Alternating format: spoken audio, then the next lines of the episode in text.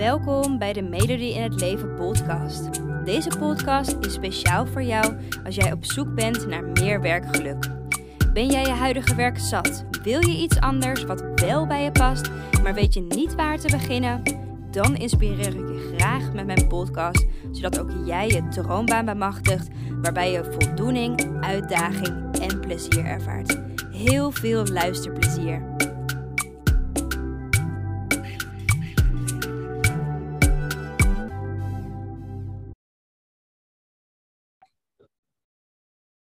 Yes, hi, hi, hi. Super leuk dat je weer luistert naar een nieuwe podcast. En ik heb vandaag, uh, ja, niet de podcast in mijn eentje. Ik ben samen met Lisanne. Lisanne, welkom. Dankjewel, dankjewel. Wat leuk dat je erbij bent bij deze podcast. Um, mag ik je allereerst gewoon vragen, ja, wat doe je op dit moment qua werk? ik uh, ben ondernemer en eigenaar bij mijn eigen bedrijf Liesje Digital. Onder de naam Liesje Digital ontwerpen bouw ik maatwerk websites voor vrije ondernemers, zoals ik dat zelf noem. Uh, vrije ondernemers zijn eigenlijk ondernemers die zichzelf hebben losgebroken van de kaders van het bedrijfsleven uh, en echt willen opvallen met een unieke website die hun persoonlijkheid weerspiegelt. Uh, dus dat, houdt me zoal bezig op het moment. Mooi. En dus eigenlijk heel plat gezegd, maak je dus websites. Daar komt het op neer, zeker. Ja. Plat gezegd. Hey, en ik weet niet hoe dat voor jou was, maar toen ik zelf op de middelbare school zat, uh, dan moet je natuurlijk nadenken over wat voor profiel je gaat doen enzovoort. En toen dacht ik, ja, nou ja, websites bouwen, dat is echt voor van die oude mannen, grijze haren en uh, hè, nou ja, heel stereotyperend. Um, maar zo zie jij er natuurlijk helemaal niet uit. Hoe, hoe kom jij op het idee om zo'n website te gaan maken voor, voor ondernemers? Ja, het is bij mij echt een beetje op mijn pad gerold. Ik heb wel een marketingachtergrond. Uh, wat ik, ja, ik heb daar wel ook in gewerkt. Um, maar toen ik besloot om te gaan ondernemen, ben ik echt gaan kijken wat vind ik echt leuk en wat past bij mij. Uh, toen kwam ik toch al snel op websites uit, omdat dit allesomvattend is. En ja, dat technische stuk, dat is misschien inderdaad meer wat jij zegt voor het stereotype, maar toch krijg ik daar zelf heel veel energie van. Had ik niet verwacht toen ik startte. Ik dacht eerst van, oh, dat bouwen besteed ik uit, daar heb ik helemaal geen zin in, ik ga alleen maar ontwerpen. Maar juist die combinatie houdt het leuk voor mij en dan ben ik toch meer nerd dan als ik dacht. Ja, dus eigenlijk ben je stiekem wel een beetje een nerd. ja, stiekem wel een beetje, ja. Mooi. Hey, en um, ik hoorde je ook zeggen van, um, ja, het was niet helemaal wat je van tevoren verwacht had. Um, dat je dit zou gaan doen. Wat kan je eens meenemen? En natuurlijk degene die allemaal luisteren in. Ja, hoe is dat proces dan voor jou gegaan? Um, ja, het balletje is echt vanzelf gaan rollen. Ik ben um, altijd begonnen in loondienst. Ik heb best wel veel werk gedaan in de horeca, bedrijfsleider geweest. Uh, ik heb klantenservice gedaan. Um, dat was een beetje een noodoproep over noodbaan in coronatijd. Ja. Ik heb in de tussentijd ook in marketing gewerkt en eigenlijk heel veel tussendoor gereisd. Omdat ik elke keer voelde, dit is het niet voor mij. Ik voelde mij heel erg niet op mijn plek in het bedrijfsleven, uh, in de kaders van een baan. Ja. Uh, dus ja, de laatste keer dat ik weer terugkwam van een reis, uh, dacht ik, nou, dit moet anders. Ik ga het op de schop gooien. Ja. Uh, ik ga online ondernemen. En toen ben ik echt gaan kijken, wat vind ik leuk en wat past bij mij en wat kan volledig online. Ja, oké. Okay. Dus eigenlijk heb je ja, jezelf losgebroken van nou ja, standaard baan en bedacht, oké, okay, het moet iets online zijn. En nou ja, toen kwam je dus bij de websites eigenlijk uit. Ja, iets online. En ik wilde gewoon iets doen natuurlijk wat ik onwijs leuk vind en waar ik anderen mee kan helpen. Ja. ja. Hey, en zou je met, want ik hoorde je zeggen, je hebt heel veel verschillende baantjes gehad en dingen geprobeerd.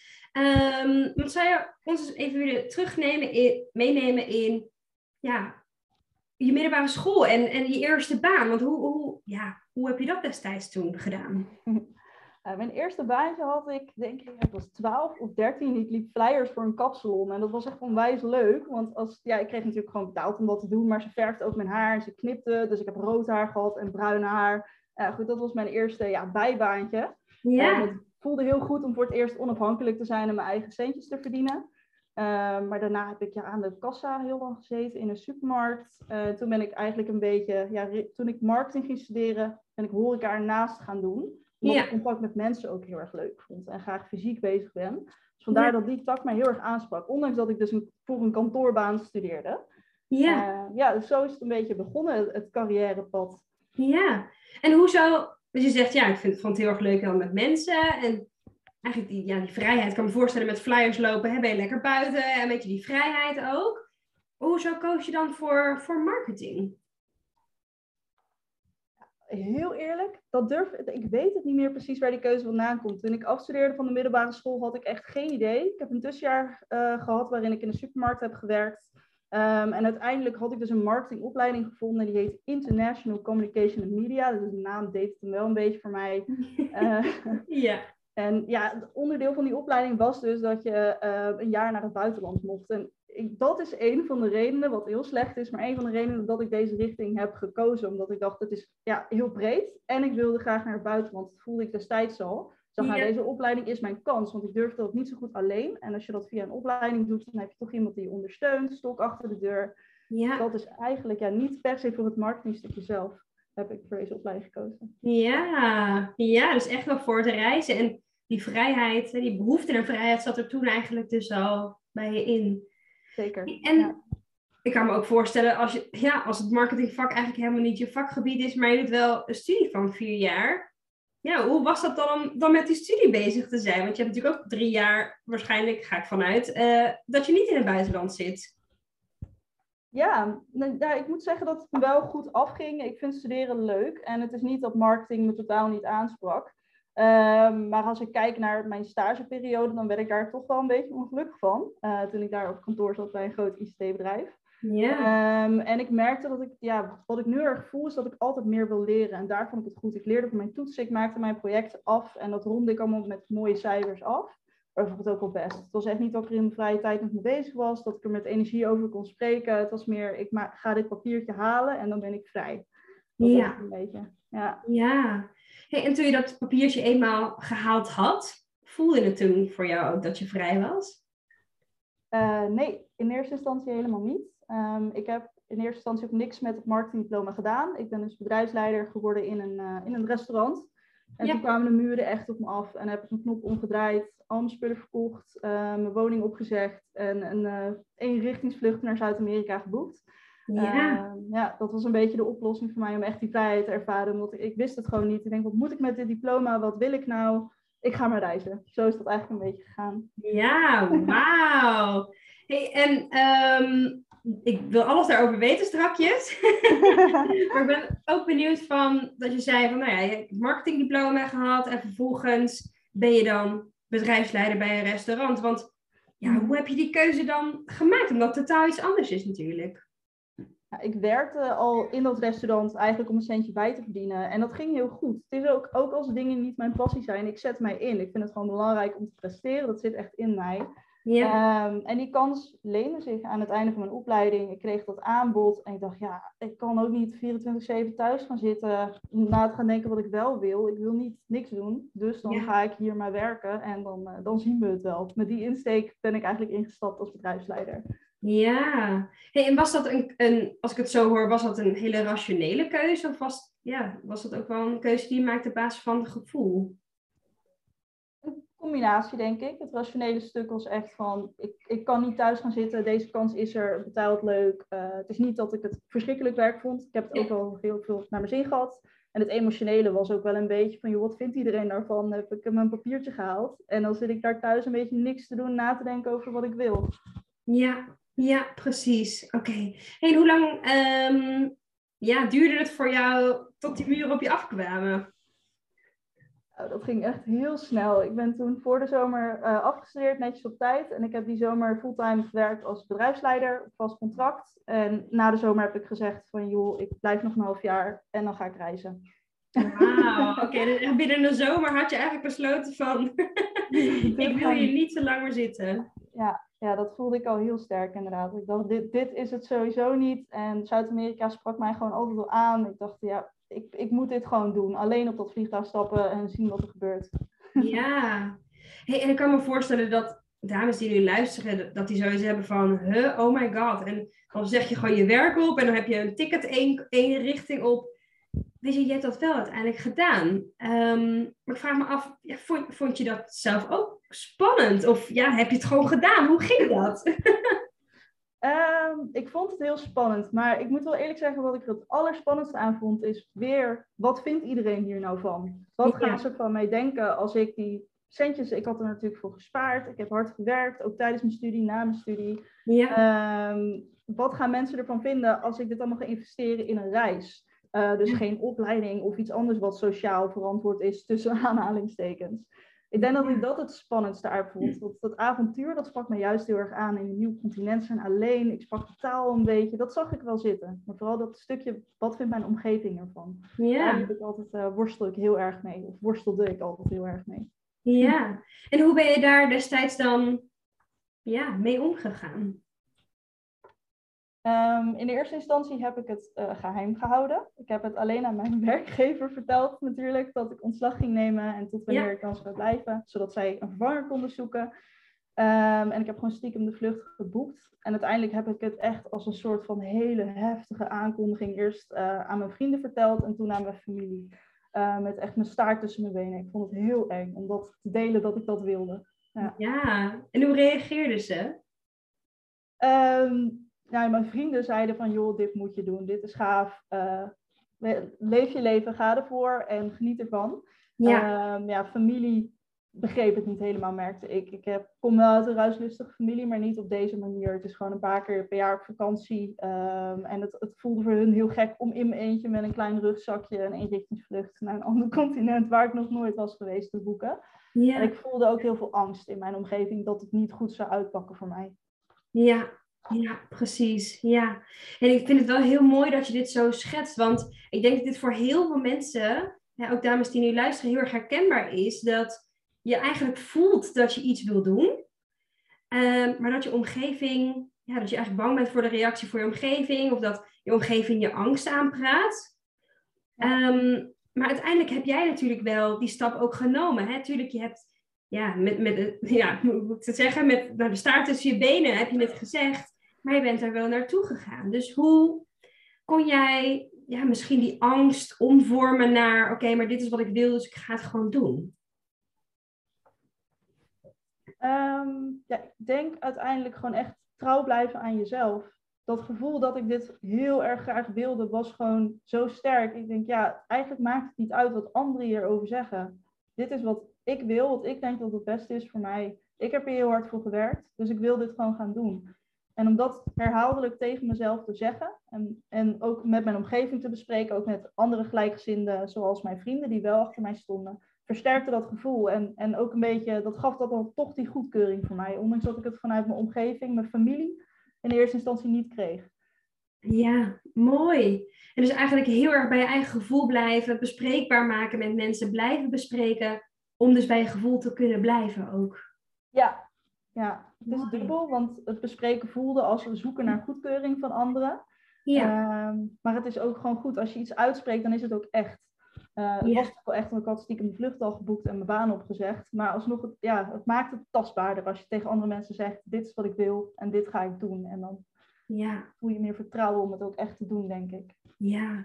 Ik denk dat dat echt zo'n mooie tip is die je daar geeft. Hè? Want we zijn heel erg gewend, denk ik, ook om in je hoofd te gaan zitten en misschien zelf dingen te doen. Maar inderdaad, als je het uitspreekt, wordt het inderdaad echt. En gaat dat vertrouwen groeien en ja, ga je die stap ook gewoon nemen. ja, precies. Ja, dat, dat, dat is nou echt, eh, denk ik, een switch geweest. Toen ik Ja. het gesprek had gehad met iedereen van dit ga ik doen. Ja. Ja. Hey, en je startte, ja, je, je, je ging naar het vliegveld, je stapte het vliegtuig in. Ja, en je, en je kwam in een ander continent uit. Hoe, hoe was dat voor jou? Ehm, in de eerste instantie viel dat eigenlijk wel tegen, moet ik zeggen. Ik ehm, had een hele heftige periode voordat ik ging. Eh, qua familieomstandigheden, maar ook, ehm, ik had dus de baan als bedrijfsleider en ik had een tijdelijke marketingbaan daarnaast ook nog genomen. Dus ik werkte 60 uur per week voordat ik ging. Eh, dus ik kwam er echt compleet over vermoeid aan en heel veel prikkels. Eh, het was er heel warm, ik was er echt een hartje zomer. Ja. Eh, ja, in de eerste instantie dacht ik echt, oh my, wat heb ik met mezelf gedaan? En eh, het duurde ook echt even twee weken dat ik in die flow kwam en er echt van kon genieten. Omdat ik er zo lang naartoe had geleefd en toen was ik daar en toen moest ik er zo erg aan wennen dat ik dacht, oh, dit is het nu. Ja, Ja, een beetje misschien die druk van, ja, nu moet het, moet het goed zijn, nu moet ik genieten. En toen was dat dus niet zo, de eerste twee weken. Ja ik denk dat dat het inderdaad was. Ik, al, ik voelde mij verplicht om het leuk te hebben naar iedereen toe, omdat ik deze keuze had gemaakt. Ik heb hier ja, ook wel mensen mee gekwetst, mijn familie vond het heel moeilijk. Ja. Dan zit ik daar, dan moet ik het maximale eruit halen. En die druk nam eigenlijk in de eerste instantie mijn genot weg. Tot ik dat een beetje los kon laten en dacht, oké, go with the flow. Gewoon lekker doen. Ja. ja, en ik denk dat dat ook wel, ehm, als we hem even betrekken op werk, ik denk dat dat ook wel iets is wat je bij je werk kan hebben. Dat je denkt, oké, ik heb eindelijk gevonden wat ik wil. Ik heb nu die switch gemaakt. Ik heb mensen teleurgesteld. En nu moet het fantastisch zijn. En dat het dan misschien hè, de eerste paar weken ook wel kan tegenvallen voor je eigen gevoel. Maar ik vraag me wel af, jij hebt natuurlijk ervaren dan met reizen. Ehm, hoe, ja, je bent er wel twee weken gebleven. Hè? Het is niet als je na twee dagen dacht, nou eh, shit, ik heb een fout gemaakt, ik ga weer terug. Ja, hoe, hoe, hoe moet ik dat goed vragen? Ja, hoe, hoe was jouw mindset eigenlijk op dat moment dan? Ja, het is, ehm, ik heb natuurlijk wel gedacht van oké, dit is niet wat ik ervan had verwacht. Misschien wil ik wel terug. Ja, Ehm, maar wat dan weer heel erg tegensprak is van ja, je hebt nu die mensen gekwetst, je bent gegaan, je bent laf als je teruggaat. Dat ja, heb ik, is echt door mijn hoofd heen gegaan. Ehm, ja, maar ook wel wat heel erg meespeelde, dat ik dacht van nou, het is niet gek als je zo'n hectische periode hebt gehad en je gaat nu iets toe waar je zo lang naartoe hebt geleefd, dat je er niet gelijk in zit. Dat heeft gewoon even tijd nodig. Het was wennen, het was mijn eerste keer backpacken, de eerste keer in Zuid-Amerika. Ik ja, heb het ook een kans gegeven. Maar in het begin was het vooral, als ik nu terug ga, dan ben ik laf. En dat was echt een hele ja, beperkende gedachte die ik had.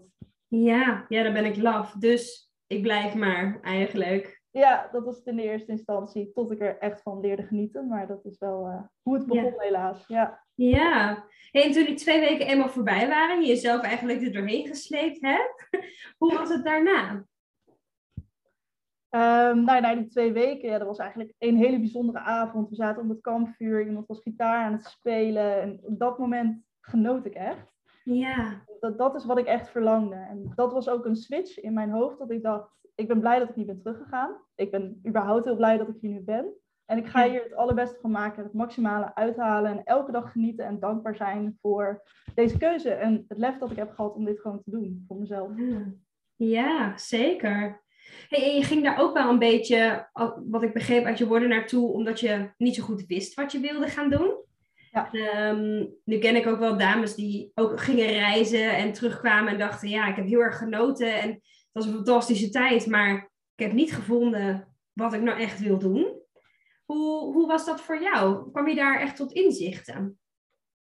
Nee, nee, absoluut niet. Ehm, ik heb onwijs genoten, heel veel geleerd over mezelf en over Zuid-Amerika en andere culturen. Maar ik kwam inderdaad ook echt compleet verloren terug naar eh, iets van 19 maanden.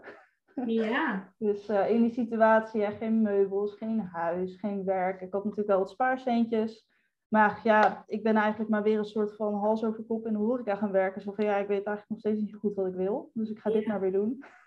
ja, precies. Ja. En Ja. ik kan me voorstellen, je hebt een fantastische tijd daar. En je bent echt aan het genieten. En dan kom je terug en je hebt inderdaad niks meer. Je weet niet wat je wil. En heb je toch wel weer heel erg dat opgesloten gevoel, kan ik me voorstellen, wat je eerder had ervaren. Ja, eigenlijk wel. Ik kwam weer in datzelfde oude riedeltje van heel veel, heel hard werken. Eh, maar niet echt voldoening daar uithalen. Ja, Ja. een beetje in zo'n limbo van ja, wat ga ik nu doen? Ja, ja. En wat, wat heb je toen, nou ja, wat heb je toen gedaan om daarachter te kunnen komen? Nou, ik heb eh, toen ik terugkwam naar die eerste lange reis drie maanden gewerkt. En Ja. toen ben ik gewoon weer op reis gegaan. Eh, ja. naar Centraal-Amerika ditmaal. En wat korter, drie maanden was ik geweest. En deze keer ook met een retourticket. Dus ik wist wanneer ik terug zou komen. Ja. Ehm, ja, toen kwam ik weer in diezelfde situatie. Eh, toevallig kon ik weer terug naar mijn oude twee werkgevers, waar ik naar de eerste reis begonnen was. Dus eh, ik had in ieder geval werk. Ehm, en toen ben ik ja, echt even gaan kijken, wat wil ik nou echt? Of wat, wat ik toen dacht dat ik heel graag wilde. En heb ik me ingeschreven voor een masteropleiding in de toeristische sector, omdat ik toch iets wilde ja, met het buitenland, met reizen. In die sector wilde ik graag werken, dacht ik altijd. Ja. En op basis waarvan, want ik hoor je zeggen, dacht ik altijd. Ja. op basis waarvan dacht je van, nou, dat moet de richting zijn. Ik ben bang dat het wel deels een stukje is, eh, net als mijn eerste opleiding, dat het met het buitenland en in het buitenland zijn te maken heeft. Ja. Ehm, dus dat was een stuk daarvan. En daarnaast ehm, heb ik in Zuid-Amerika heel veel dingen meegemaakt qua hoe het er aan toe gaat in toerisme. En ik was het daar gewoon niet altijd mee eens. De beleidsvorming klopt niet. En dan heb ik het vooral over het gebruik van dieren in toerisme. Ja. Ehm, en dat was echt iets wat mij heel erg aantrok. Nog steeds heel erg. Iets waar ik heel erg mee bezig ben. Wat ik belangrijk vind. ja. Dus ik had het idee, dan doe ik een master in toerisme, in beleidsvorming van toerisme. En dan ga ik de richting op van gebruik van dieren in toerisme en dat te verduurzamen en draaglijker te maken voor dieren. Dus met die insteek ben ik de masteropleiding begonnen, maar ook wel weer met een knipoog van dan hoop ik dat in het buitenland, het liefst uit Amerika te doen. Ja, ja.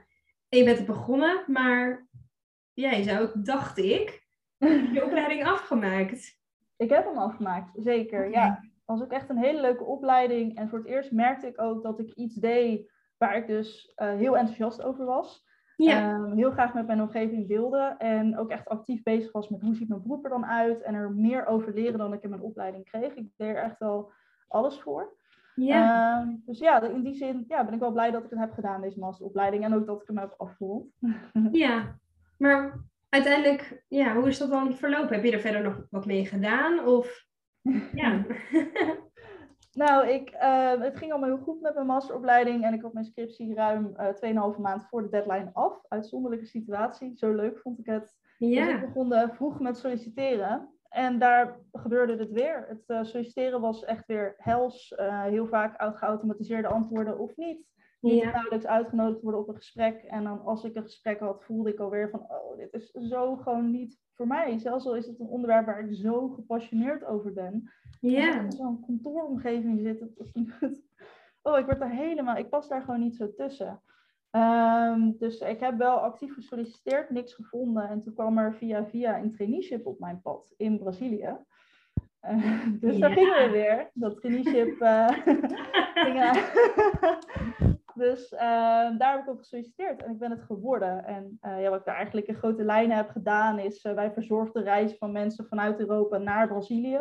En dan met oog voor duurzaamheid. Dus geen slecht gebruik van dieren, zoveel mogelijk met OV, dus minder vliegen. Dus je Ja. moet wel vliegen om van Europa naar Brazilië te komen, anders wordt het lastig. Maar als je dan eenmaal was, zoveel mogelijk niet vliegen.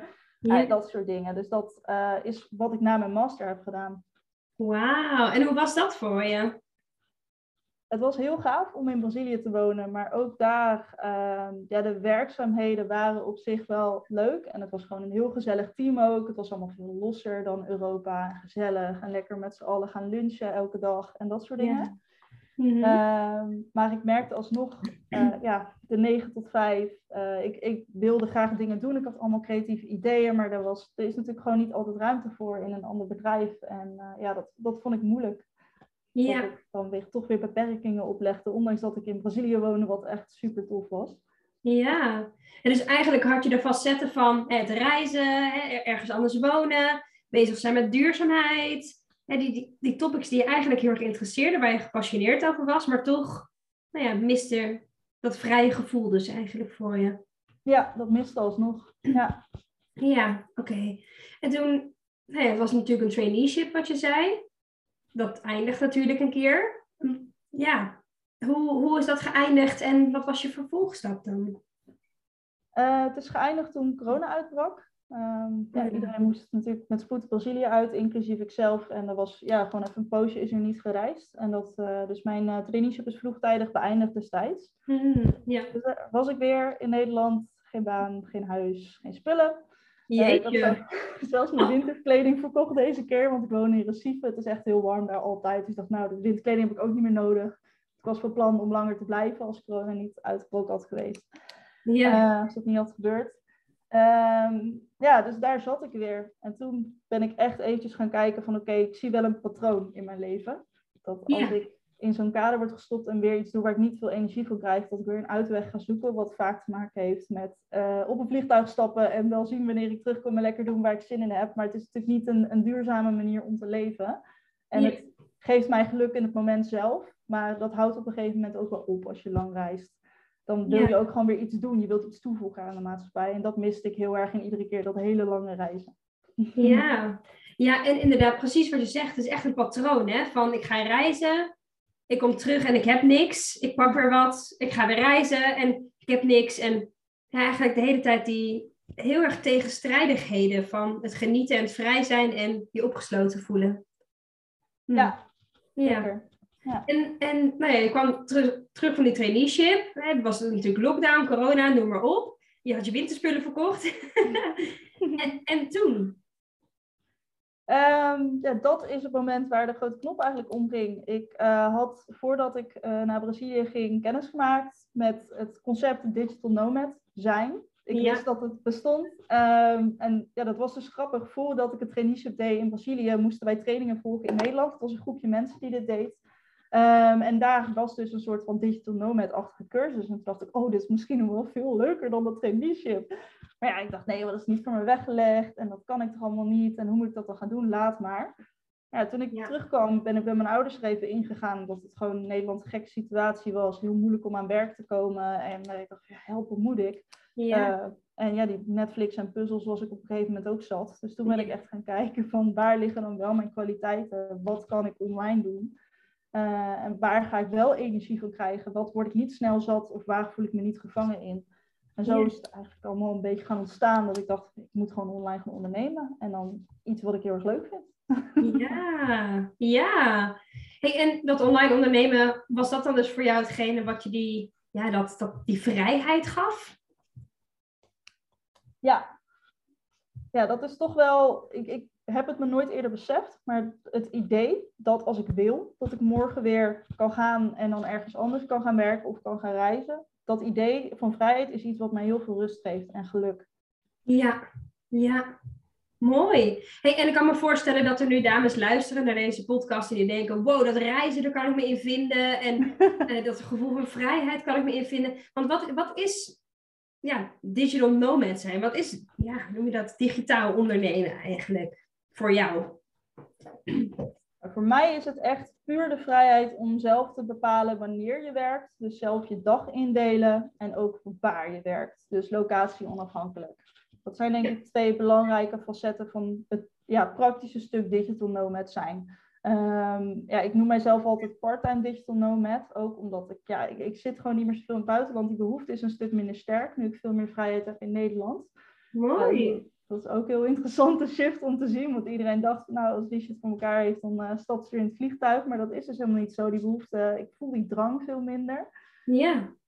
Uh, maar dat was voor mij praktisch gezien wat, ja, uh, terug te komen op jouw vraag, wat digital nomad voor mij is. Zelf je dag in kunnen delen, zelf bepalen hoeveel uren je werkt en ook um, waar je dat doet eigenlijk. Ja, en interessant inderdaad dat je zegt, op het moment dat je dit, deze baan bent gestart, waar je dit werk doet, heb je helemaal niet zoveel behoefte meer om dat vliegtuig te pakken. Omdat je dus de vrijheid in je baan gevonden hebt.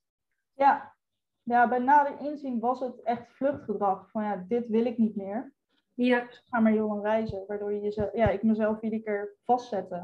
Um, ja. En nu is de mogelijkheid er. Ik maak er natuurlijk ook gebruik van. Uh, maar niet meer, ik hoef niet meer een half jaar of tien maanden te gaan reizen. Dat hoeft gewoon niet meer voor mij. Um, ja. Dat ik heel veel geluk en vrijheid hier kan vinden nu ja. ik dit heb opgebouwd. Mooi. Hey, en je kwam dus in aanraking met digital nomad zijn, maar ja, digital nomad zijn kan natuurlijk in honderd verschillende vormen. Hoe heb je daar uiteindelijk dan een keuze in gemaakt van oké, het moeten echt websites voor ondernemers zijn? Um, ik ben begonnen als een manager van alles. Ik kwam in aanraking met Facebookgroepen als uh, ambitieuze meisjes, business babes, noem maar op. En alles waarvan ik dacht, oh, dit, dit zou ik misschien wel leuk vinden. Dus copywriting, social media templates, allemaal marketing gerelateerde dingen. Ja. Um, maar eigenlijk dingen die ik trouwens niet tijdens mijn opleiding had gehad, maar waarvan ik dacht, oh, dit kan ik wel en dat vind ik leuk. Daar reageerde ik op. Uh, maar al snel voelde ik uh, dat ik het allerleukste websites vond. Omdat het gewoon de plek is waar alles samenkomt van een ondernemer. Echt waar je een visie kan omvatten met een heel sterk design. En dat vind ik zo tof. Uh, yeah. Dus ik heb eigenlijk heel snel de rest gewoon ja, van de tafel gegooid. En bedacht, dit gaat het worden. Ook omdat ik vind dat je heel erg kan groeien in webdesign. Het kan, je kan er ja, heel veel kanten mee op. En er is nog zoveel over te leren. Yeah voor het eerst bleef, ik blijf leren. Ik vind het heerlijk om steeds meer te leren over webdesign. En dat is gewoon ja, een vuurtje dat in mij is aangewakkerd, heel onverwachts. Ja, en eigenlijk ben je daar dus, als ik het zo hoor, achtergekomen omdat je eigenlijk verschillende dingen gewoon bent gaan proberen. Hey, hoe vind ik dat? Vind ik het leuk? En toen kwam je erachter, hey, webdesign, dat is gewoon mijn ding. Ja, eigenlijk wel. Maar ik moet wel zeggen, omdat ik, ja, ik had dan intakes met iemand voor social media templates of copywriting. En ja, ik denk dat er gewoon niet echt een vuurtje bij mij vanaf kwam. Terwijl als ik een gesprek met iemand had voor een website, uh, die ik destijds natuurlijk ja, voor een leuke pilotprijs deed, dan zagen mensen waarschijnlijk al hoe enthousiast ik erover was en hoeveel zin ik erin had. En daarom heb ik ook het idee dat dat eigenlijk veel sneller ging lopen, omdat ik vanaf het begin al aan het voelde van dit vind ik echt leuk. Uh, ik was er ook best wel goed in. Ik had mijn eerste reisblog heb ik iets van vier jaar geleden of zo gebouwd. Uh, ja. ja. dus ik denk dat dat ook wel het verschil maakte. Dat ik van binnen, ja, ik was me er niet bewust van, maar ik denk wel dat ik het achteraf gezien bij die kennismaking ook uitstraalde. Van, oh, ik wil jouw website bouwen, ik heb er zin in. ja, en dus het was niet alleen ik probeer maar wat, maar het is, was ook, je voelde ook echt je enthousiasme daarbij.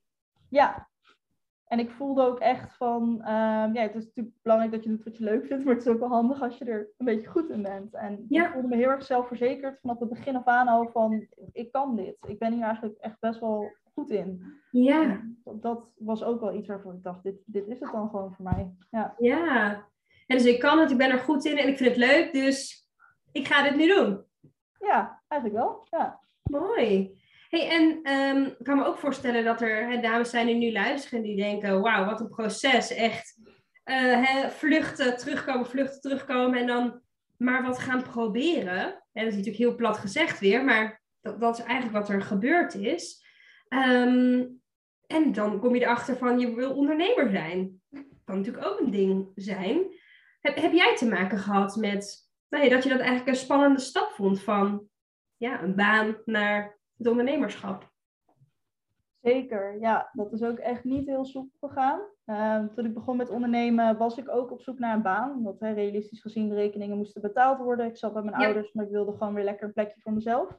Ja. Uh, uiteindelijk gesetteld voor een baan in klantenservice. Uh, waar ik overigens heel dankbaar voor ben. Het was een moeilijke tijd en eh, een goede werkgever gehad. Uh, maar ik vond het, uh, ondanks dat het duidelijk niet mijn passie was, klantenservice, onwijs moeilijk om het op te zeggen. Ja, daar gaat mijn financiële zekerheid. En dat is echt met woorden stoten veel beperkingen gegaan voordat ik dat durfde. Dus uh, ja. Ja. Ja, want wat was voor jou de worst case scenario als je dan die baan bij de klantenservice zou opzeggen? Um, dat mijn spaarrekening uh, leeg zou zijn en dat uh, mijn huurbaas met zijn handje op uh, stond te wachten op mijn, ja, op mijn huurbetaling. Dat was mijn worst case scenario, dus dat het financieel zou mislopen. Ja. Ehm, ja, ik, natuurlijk vond ik het ook spannend om mezelf ja, te laten zien in de wereld als ondernemer en me zo te presenteren. Ehm, maar ik denk dat voor mij het financiële drempel het hoogst was. Ik vond het echt een heel naar idee dat ik dan geen centjes meer zou hebben voor mijn vaste lasten. Ja, en is dat uiteindelijk die worst case scenario? Is dat uiteindelijk uitgekomen? Nee, nee, gelukkig niet. nee. En hoe komt dat, denk je? Um, nou ja, op het moment dat ik mijn baan uh, opzegde, had ik al best wel veel klanten. Dus ik deed eerst één website tegelijk en die deed ik part-time. Ja. Uh, toen ben ik van vijf dagen naar vier dagen in loondienst gegaan en toen kreeg ik nog meer klanten. Um, en ja, toen ontplofte er ineens een bom. Ik kreeg echt superveel aanvragen. En ik werd gewoon voor het blok gezet. Of ik zou die aanvragen voor websites accepteren. Of ik zou doorgaan met mijn baan in loondienst. Ja. Um, ja, dus op dat moment, ik had gewoon al best wel veel aanvragen toen ik startte. Maar ik merkte al wel dat ik meer sturing nodig had. Want ik had op een gegeven moment gewoon echt veel te veel werk in het begin en ik verdiende te weinig. Ja. Uh, en waar ik ook heel blij mee ben, de keuze die ik heb gemaakt, is dus om een coach in te schakelen. Een business coach die mij op weg heeft geholpen. Dus eigenlijk uh, toen ik mijn baan opzegde, ben ik tijdelijk gaan leven van mijn spaargeld. En heb ik alles wat ik verdiende in een business coaching traject gestopt. Ja. Uh, om dit te structureren. Want ik dacht, oké, okay, ergens doe ik iets goed, want ik trek heel veel leuke klanten aan. En die worden allemaal heel blij van hun websites. Maar ik werk te hard en ik verdien te weinig. Dus dan ja. heb ik hier toch hulp bij nodig. En dat is echt wel wat mij ik vond het natuurlijk heel spannend om die financiële investering te maken, maar wel hetgeen wat mij bracht tot waar ik nu ben en waardoor ik nooit die benauwing heb gehad dat ik in financiële problemen kwam. Omdat ik dat ja, echt in een plan heb opgesteld met een business coach die met me meedacht. Ja. Maar ja, dus Zo, gaan we, zo kan je het het beste doen, zeg maar, op een manier die bij mij past. Ja, ja. en wat, wat leerde je dan bij, nou ja, bij die business coach? Um, nou ja, we begonnen eigenlijk een beetje eerst met de basis. Wat ga je nou precies aanbieden? Want ja, websites, maar dat kan natuurlijk ook nog alle kanten op. Ja. Uh, en voor wie? Dat was vooral een hele belangrijke. Voor wie vind ik het nou het leukst om websites te maken? Ehm, we hebben ook heel praktisch gekeken naar wat zijn nu mijn vaste lasten. Um, wat heb ik nodig voor die workations van mij en sporten en lekker eten. En nou ja, goed, echt een financieel plaatje hebben we gemaakt. Ja. Um, en ook wel een beetje een groeiplan. Die wil natuurlijk als ondernemer groeien. Ik doe nu alleen websites. Misschien wil ik nog iets anders in het thema van websites er later bij gaan doen. En af en toe ja, prijzen verhogen. En hoe doe je dat nou? Uh, social media strategie. Ja. Echt eigenlijk van de kern naar een financieel plan en een strategie daarachter. Dat hebben we samen gedaan. Ja, ja. ja. Hey, en eigenlijk heb je dus je, nou ja, je laatste spaarcenten heb je daarin gestoken. Als ik het zo hoor, was dat wel nou ja, met succes. Ja, het waren niet mijn laatste spaarcenten. Ik had mijn spaarpotje en eigenlijk uh, ik had een plaatje gemaakt en dacht, oké, dit is wat ik nu verdien. Dit ga ik gelijk investeren in een business coach en dan leef ik van spaarcentjes. En die, ja. gelukkig ben ik niet op de bodem geraakt van de spaarcentjes. Ja. ja, ja. ja, ik dacht wel, uh, ja, dus dat is, ja, het, het heeft heel erg geloot. Ik ben haar echt onwijs dankbaar voor alles uh, wat zij voor mij heeft gedaan en, en hoe ze mij heeft geholpen om ja, eigenlijk een beetje de ondernemer te zijn die ik vandaag ben. Dus dat is uh, ja. Ja, heel bijzonder was het. Ja. Hey, en zou je zeggen dat het werk dat je nu doet, dat het jouw droombaan is? Dat vind ik heel erg lastig om te zeggen. Um, ik heb nu wel mijn droomleven gecreëerd. Dat durf ik wel te zeggen. Omdat ik ja. eindelijk die vrijheid heb. Uh, ik ga elke dag met plezier naar mijn werk. Uh, dat is iets wat ik niet altijd heb gehad. En ja. Ik, ja, ik trek gewoon hele leuke klanten aan. Daar word ik ook heel blij van.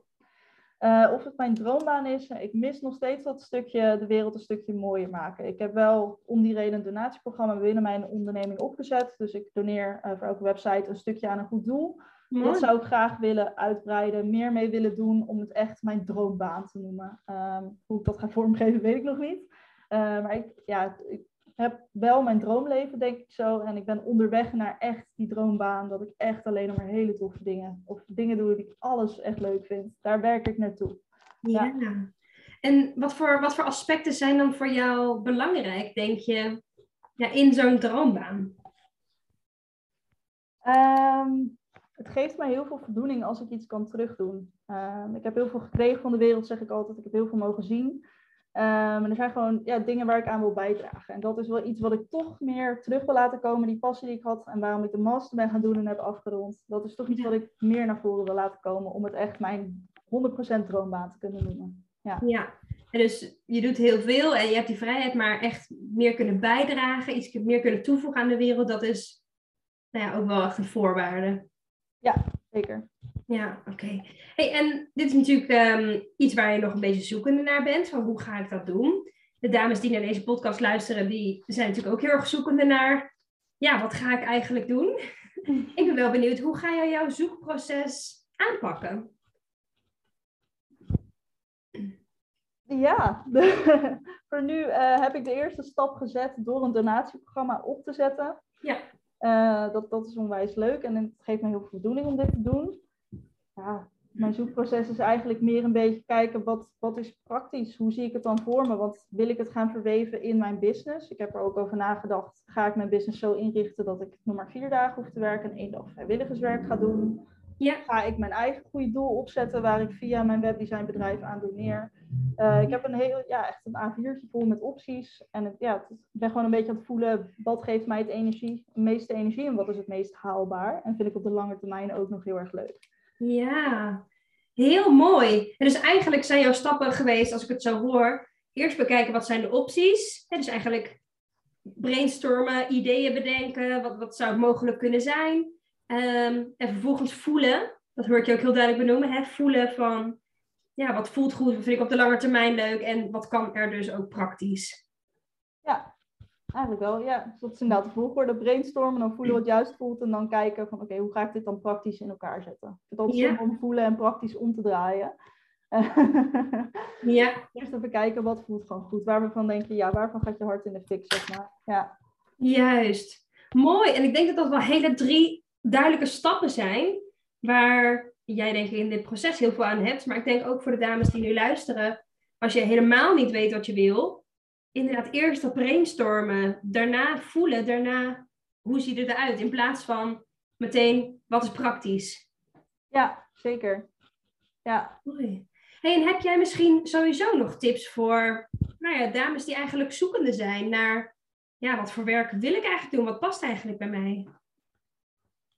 Uh, oh, um, ja, ik ben altijd in die zin toch best wel praktisch. En um, ja, allereerst laat je niet gek maken door je omgeving. Ik heb dit ook heel lang gedaan. Uh, als maar, oh jee, wat vindt iedereen hier nou van? Um, laat dat even gaan en voel even goed bij jezelf. Wat wil jij? en als je denkt, dit voelt goed, spreek het uit. Hou het niet voor jezelf. Zeg het tegen iemand anders. niet om goedkeuring te zoeken, maar als je het zegt, dan wordt het echt. Dan wordt het tastbaar en dan leef je er naartoe. dus dat is denk ik ja, het belangrijkste wat ik wil meegeven.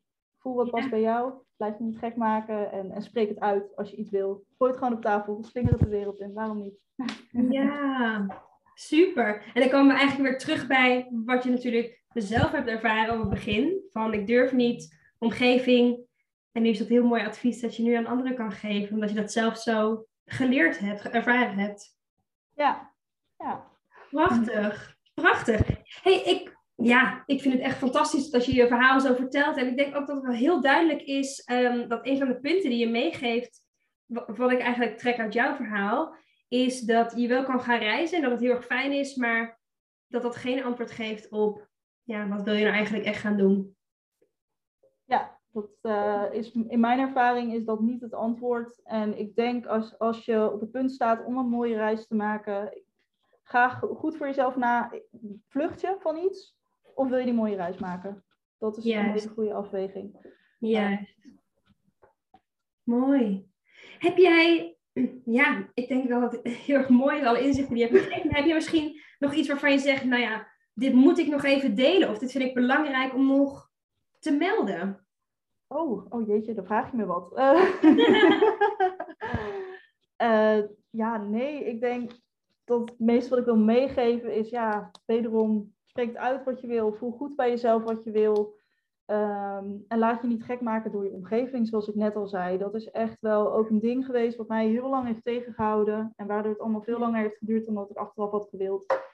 Als jij voelt dat je iets wilt uh, en het is ja, natuurlijk praktisch haalbaar, ga er dan gewoon voor. En wat anderen daarvan vinden, dat zij zo. Mensen draaien bij, dat heb ik ook ervaren. Toen ik begon met ondernemen was mijn omgeving ook zo van, nou, succes ermee. En nu uh, ben ik ineens een stoere chick met haar eigen bedrijf. Dus, ja, ja, ja. En zou je dan dus zeggen, dat vind ik wel interessant dat je dat zo zegt, dat mensen dus, um, nou ja, eerst waar ze tussen aanhalingstekens tegen waren, of het heel erg spannend vonden, dat ze nu zoiets hebben van, doe lekker je ding en eigenlijk achter je keuzes zijn gaan staan. Ja, zeker. Zo heb ik het echt al ervaren. In het begin uh, was iedereen echt een soort van, weet je wel, leuk Lies, you do you, maar uh, we moeten maar zien of dit goed komt. Terwijl mensen juist nu heel enthousiast erover zijn en uh, compleet erachter staan. En het is gewoon onwijs leuk om te, die shift te zien. Zelf had ik dat vertrouwen er al in, maar ik heb nu het gevoel dat mensen in mijn omgeving dat ook hebben. En dat versterkt het ook wel.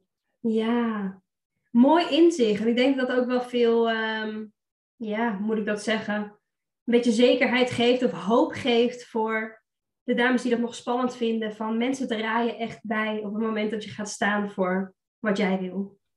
Ja, zeker. Prachtig. Ik denk dat we hem hiermee moeten afsluiten. En ik wil je ontzettend bedanken voor je nou ja, mooie inzicht en voor je verhaal. Echt ontzettend inspirerend. Ja, graag gedaan. Onwijs leuk. Bedankt dat ik te gast mocht zijn in deze podcast. Het is mijn eerste podcast. Ik vond het onwijs spannend. Maar uh, ja, bedankt. Echt heel leuk. Tuurlijk. Hey, en stel nou dat dames jouw verhaal horen en denken: wauw, die Lisanne, wat een verhaal. En ik wil daar meer over weten. Al is het over het reizen of over je website. Wie weet, willen ze wel een website laten maken door je. Hoe, hoe kunnen ze in contact met jou komen? Uh, ik ben altijd heel erg actief op Instagram. Uh, dus als je zoekt op liesje.digital, dan kom je mij tegen. Daar zal het vooral gaan over websites. Maar als je een vraag hebt over reizen of ondernemen, dan staan mijn DM's ook altijd open. Vind ik superleuk. Um, en nou mocht je interesse hebben in websites, kan je altijd naar www.liesjedigital.nl. En daar zie je ook mijn hele online beleving en mijn bedrijf. Fantastisch. Nogmaals heel erg bedankt. En uh, voor de luisteraars, als je tot hier hebt geluisterd, ook jij heel erg bedankt dat je helemaal tot het einde hebt geluisterd. En ik hoop dat je het verhaal van Lisanne net zo interessant en inspirerend vond als wat ik dat vond. Um, en uh, ik hoop je natuurlijk volgende keer weer met een nieuwe podcast te mogen inspireren. Ik wens je een hele fijne dag. Tot de volgende keer. Dankjewel voor het luisteren. Hoop dat ik je heb mogen inspireren om jouw droombaan achterna te gaan, waarbij je meer voldoening, uitdaging en plezier ervaart. En elke woensdag staat er een nieuwe podcast online, dus hou dit vooral in de gaten. En wil je vaker tips en inspiratie ontvangen? Volg mij dan ook op Instagram onder de naam van Melody in het Leven en ik help je graag verder. Fijne dag!